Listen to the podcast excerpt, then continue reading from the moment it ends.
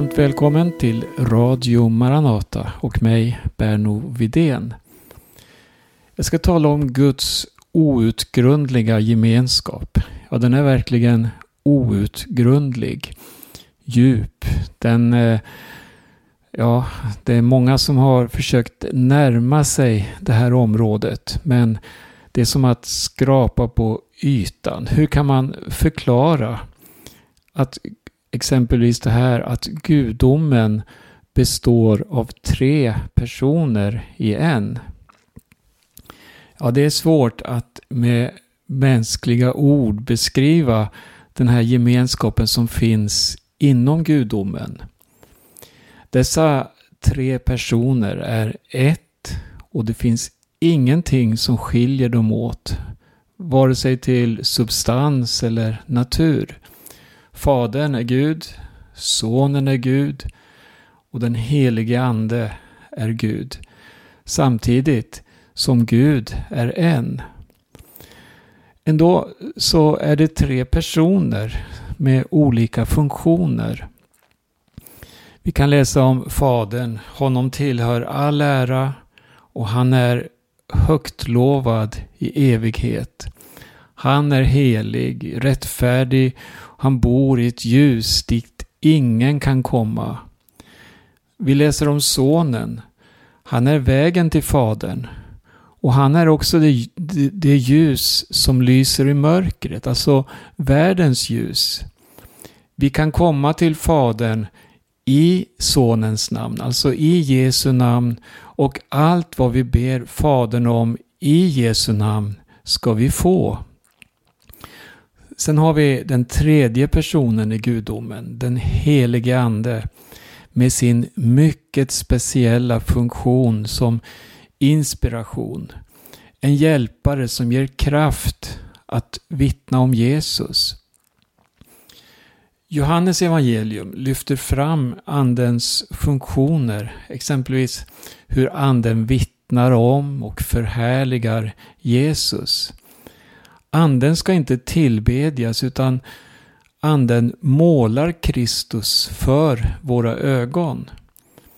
Anden bevisar också, eller vi kanske ska säga överbevisar världen om synd. Vi möter alltså i skriften tre personer inom gudomen som tillsammans utgör en enhet. Och det här det är ett oerhört mysterium som vittnar om en fullkomlig gemenskap. Från evighet till evighet. Alltså något konstant som alltid har funnits där. Hos Gud finns nämligen ingen begynnelse och inte heller något slut. Gud är densamme alltid. Eller som han sa till Mose då han skulle förklara vem han var. Jag är. Det var det han skulle säga inför farao. När vi tänker på Gud, Fader, Son och den helige Ande, då är det lätt att hamna i ett positionstänkande. Högst upp har vi Fadern, Därefter har vi Sonen och sen den helige Ande. Men eh, Guds gemenskap handlar inte om någon hierarki. Däremot så finns där en harmoni där alla är jämlika. Matteus evangelium förklarar på ett tydligt sätt hur personerna inom gudomen agerar i denna harmoni. Och vi ska läsa Matteus 3, verserna 16 och 17. När Jesus hade blivit döpt steg han genast upp ur vattnet. Då öppnades himlen och han såg Guds ande sänka sig ner som en duva och komma över honom. Och en röst från himlen sade Han är min älskade son. I honom har jag min glädje. Vi ser här hur alla tre personerna är samtidigt närvarande men ändå separat. Jesus, han var på jorden, alltså han föddes som människa och han befann sig här i inledningen av sin jordiska tjänst. Den helige ande sänkte sig ner från himmelen. Samtidigt som Fadern talar från himlen. Om Gud inte var treenig, hur skulle han då på det här sättet kunna komma ner till sig själv? Och hur kunde han vara i himlen samtidigt som han döptes här på jorden? Och varför kallar han sig själv son? Ja, det är skilda personer och vi kommer aldrig här i tiden att till fullo förstå djupet i den här gemenskapen. Men snart en dag, då kommer allt att uppenbaras. Eh, lyssna här nu. Jesus förklarade vid olika tillfällen skillnaden mellan sonen och fadern. Exempelvis fanns det något som bara fadern visste om. Jesus han uttryckte bland annat följande i Matteus 24 och 36 då det handlar om tillkommelsen. Men den dagen eller stunden känner ingen, inte himlens änglar, inte ens sonen, ingen utom fadern. Mellan sonen och anden ser vi också viktiga skillnader. Jesus sa att den som säger något mot Människosonen ska bli förlåten. Men den som talar mot den helige Ande kommer inte att bli förlåten, varken i den här tidsåldern eller den kommande. Skillnader mellan de olika personerna är påtagliga. Så har vi versen i Matteus där Jesus instruerade sina lärjungar att döpa. Alltså i missionsbefallningen i Matteus 28. Gå därför ut och gör alla folk till lärjungar. Döp dem i Faderns och Sonens och den helige Andes namn. Med bibelcitaten som jag har eh, nämnt här så kan vi med rätta säga att Gud är en andlig gemenskap. Den absolut första gemenskapen som vare sig har någon början eller något slut.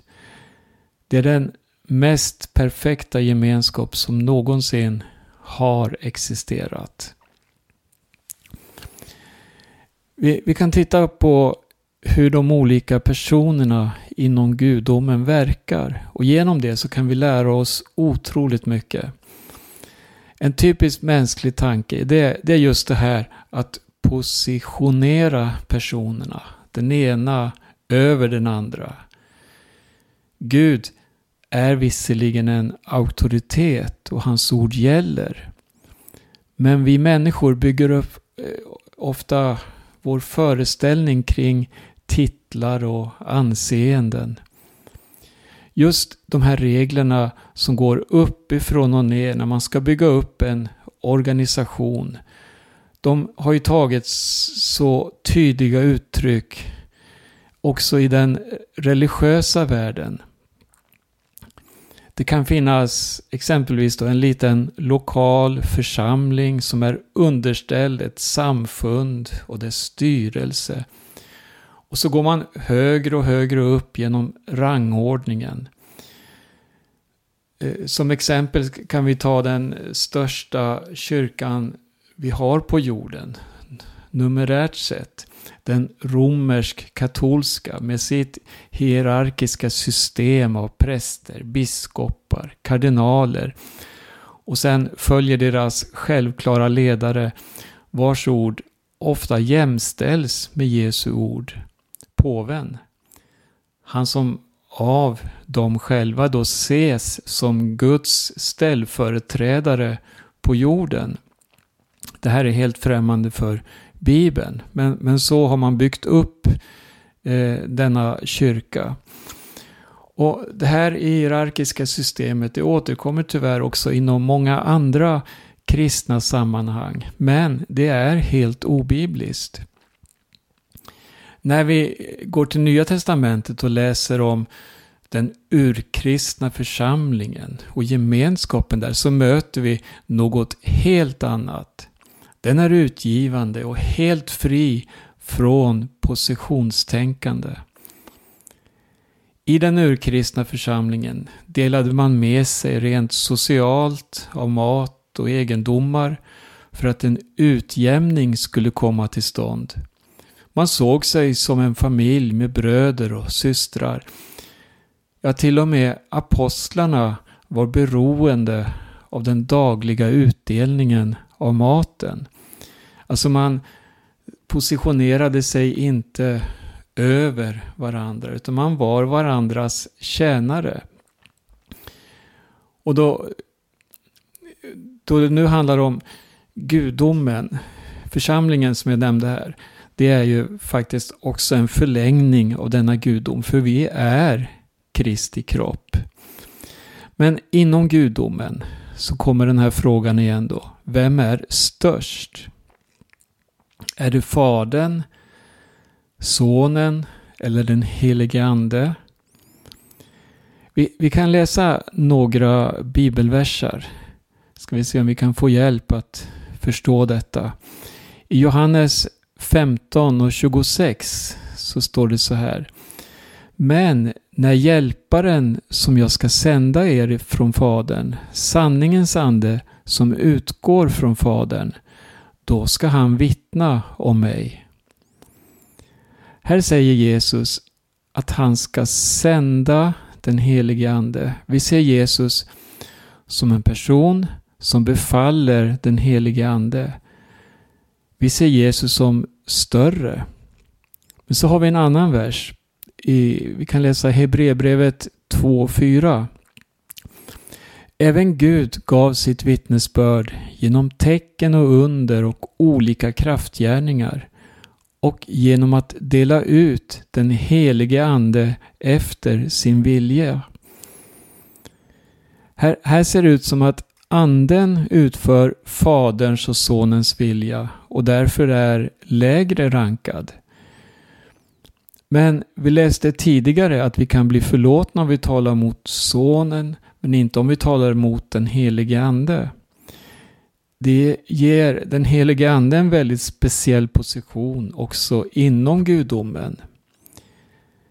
Så vi, vi, kan inte ha det här tänkandet om högre och lägre inom gudomen.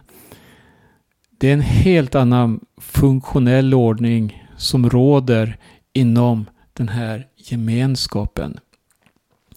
Om den helige Ande står det exempelvis så här i Apostlagärningarna 10 och 38. Gud smorde Jesus från Nasaret med den helige Ande och kraft. Han gick omkring och gjorde gott och botade alla som var i djävulens våld, för Gud var med honom. Jesus blev här smord av anden och även om Jesus kunde be Fadern om att sända anden så är Jesus också beroende av anden. Det finns alltså ett beroendeförhållande mellan personerna i gudomen. Ingen står över eller under där man befaller den andre. Istället betjänar man varandra. I Markus står det att Jesus fördes ut i öknen för att frestas. I första kapitlets tolfte vers så läser vi Genast förde anden honom ut i öknen. Anden hade det här inflytandet och verkar här inte vara underordnad Jesus. Eh, vi ska också läsa några verser där det talas om att Jesus var lydig sin far. Johannes 14, 31. Men världen måste förstå att jag älskar Fadern och gör som Fadern har befallt mig. Här ser vi hur Jesus ödmjukar sig under Fadern och är honom helt underställd och lydig. I femte kapitlet säger Jesus, vers 19. Jag säger er sanningen. Sonen kan inte göra något av sig själv, utan bara det han ser Fadern göra. Vad Fadern gör, det gör också Sonen. Vid ett annat tillfälle så uttrycker sig Jesus så här om Fadern. Eh, vi läser i Johannes 14 och 28. Ni har hört att jag har sagt er. Jag går bort och jag kommer till er igen. Om ni älskade mig skulle ni vara glada över att jag går till Fadern, för Fadern är större än jag. Är då Fadern högre? Eller som det står i Lukas, Far, om du vill så ta den här bägaren ifrån mig, men ske inte min vilja utan din. Eh, här läser vi hur Jesus, han är helt underställd Fadern. Fadern är större. Jesus gör Faderns vilja. Han kan inte göra någonting utan Faderns vilja. Budskapet återkommer gång på gång. Men så finns det andra verser som talar om att Fadern och Sonen var lika i allt. Det finns en hemlighet här som gör att gemenskapen mellan gudomen eller inom gudomen sträcker sig också till oss människor så att även vi får vara med. Hör, vi får inlämnas i denna gudomliga gemenskaper. Paulus, han skriver att Jesus valde att lägga av sig gudomligheten, sin position i höjden. Ett tydligt bibelsammanhang som beskriver det här, det har vi i Filipperbrevet 2 och vi läser från vers 6. Han var till i Guds gestalt, men räknade inte jämlikheten med Gud som segerbyte, utan utgav sig själv och tog en tjänares gestalt och blev människan lik. När han till det yttre hade blivit som en människa ödmjukade han sig och blev lydig ända till döden, döden på korset. Vi läser här alltså hur Jesus lade åt sidan att vara jämlik Gud och istället bli hans tjänare och därmed allas vår tjänare. Det här är så oerhört stort att läsa. Vi, vi, vi, ser också hur Jesus relation till Josef och Maria underordnade sig trots att han var deras herre. Han lydde alltså sina jordiska föräldrar. Vad sa Jesus till den blinde mannen? Kan du tänka dig Guds son säga så här till en människa? Vad vill du att jag ska göra dig? Det, det, det, här förekommer inte i någon religion. Nej, när vi läser om gudarna i olika religioner, då är de dominanta, dömande, krävande. Men här möter vi en Gud som kommer ner till människan. Som går in under människan och lyfter upp henne. Jesus sa, vad vill du att jag ska göra dig? En sån här vers, en sån här sats från Jesus, det gör att man blir helt tillintetgjord över Guds utgivande kärlek. Genom Jesus så får vi den här inblicken i Guds gemenskap. Den här kärleken och omsorgen som talar. Jesus, han la åt sidan sin gudoms härlighet. Men så läser vi fortsättningen i Filipperbrevet. Vi är i Filipperbrevet 2 och nu från vers 9. Därför har Gud också upphöjt honom över allting och gett honom namnet över alla namn. För att i Jesu namn alla knän ska böjas i himlen och på jorden och under jorden och alla tungor bekänna att Jesus Kristus är Herren, Gud Fadern till ära. Om vi försöker gradera de olika personerna i gudomen så ignorerar vi helheten i gemenskapen. En gudomlig harmoni där personerna betjänar varandra. Det finns olika funktioner men det är inte en hierarki. Jesus sa så här i Johannes 10.30 Jag och Fadern är ett. Och till Filippus sa han så här i Johannes 14 och 9. Den som har sett mig har sett Fadern. Vi ser här den totala enheten mellan Sonen och Fadern. Orden uttryckte han då han gick på jorden som människa. Samtidigt som han underställde sig och tjänade. Han gick in som en tjänare för hela mänskligheten samtidigt som han var utsänd av Fadern som den andra personen inom gudomen. Alltså Gud blev människa och tog sin boning ibland oss.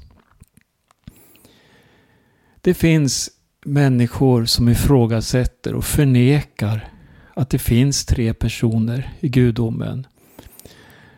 De får då istället ett fattigt evangelium Nya testamentet deklarerar att både Jesus och anden är Gud. I Titus 2 och 13 läser vi Medan vi väntar på det saliga hoppet att vår Gud och frälsare Jesus Kristus ska träda fram i härlighet. Och Paulus skriver också så här i Andra Korinthierbrevet 3 och 17. Herren är anden och där Herrens ande är, där är frihet. Gränserna mellan personerna integreras med varandra. Paulus förklarar utifrån bilden av äktenskapet så här i Efesierbrevet 5 och 28. Den som älskar sin hustru älskar sig själv. Ingen har någonsin hatat sin egen kropp, utan man ger den näring och sköter om den. Så gör också Kristus med församlingen. Paulus undervisar om hur man inom äktenskapet älskar sin hustru på samma sätt som man älskar sig själv. Och när man tjänar Gud i församlingen, då är man också med och tjänar sig själv. Det är inte så att en står utanför och gör något för andra. Visst gör man det, men man är också en del. Man är mottagare och utgivare. Församlingen som vi ser i Nya Testamentet och hoppas vi kan finna den också ibland oss. Det är att den är fri från positionstänkande den är fri från att vara överställd eller underställd. Det är inte positioner, men funktioner som Gud har gett oss i församlingen. Att betjäna varandra och därmed också sig själv. Det är som att läsa Apostlagärningarna där de tog Jesu budskap på allvar. I den urkristna församlingen så sålde man vad man ägde och delade med sig. I församlingen var man ett och delade måltiden med varandra. Det uppstod problem ibland men det fanns en grund, en kärna och den tror jag vi finner i den gudomliga gemenskapen, i treenigheten. Guds gemenskap är verkligen en modell för församlingslivet. I skapelseberättelsen så finns ett starkt argument för gudomen. När Gud har skapat himmel och jord och allt står där färdigt, då säger han Låt oss göra människor till vår avbild. Det står inte Låt mig göra människor till min avbild. Nej, här handlar det om något som var mycket större än hela den övriga skapelsen. Växterna, djuren, klipporna, vattnet och alla planeterna, ja allt. Nu var, män, det, nu var det människan som skapades. Och Gud säger, det är som att han stannar upp inför detta stora. Låt oss göra människan till vår avbild. Människan är inkluderad och tänkt att dela denna gudomliga gemenskap som ingen annan. Jesus säger något liknande i sin bön för lärjungarna i Johannes 17. Och den härlighet som du gett mig har jag gett till dem för att det ska vara ett liksom vi är ett. Ja, vi ser här hur Jesus i sin bön inför sitt lidande ber för sina lärjungar. Han ber för församlingen att de ska vara ett på samma sätt som han och Fadern är ett. Jag i dem och du i mig, så att de är fullkomligt förenade till ett. Jesus ber, kom med ni också. Jag banar vägen för er. Jag har öppnat dörren så att ni också får bli delaktiga i denna gudomliga gemenskap. Den tillhör er. Så har varit Guds vilja och tanke från långt innan denna världens begynnelse. Ja, Gud är gemenskap.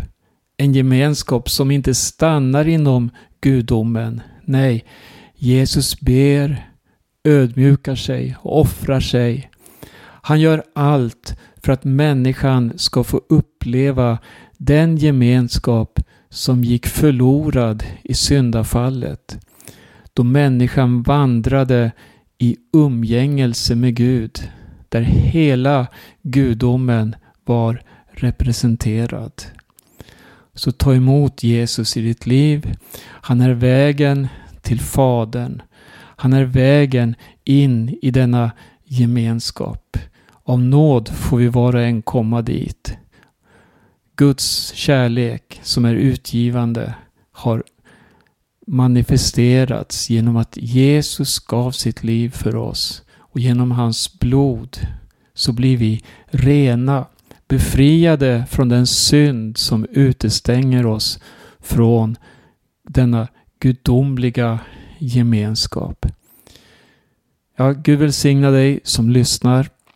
Det här är ett program från Radio Maranata och jag heter Berno Vidén.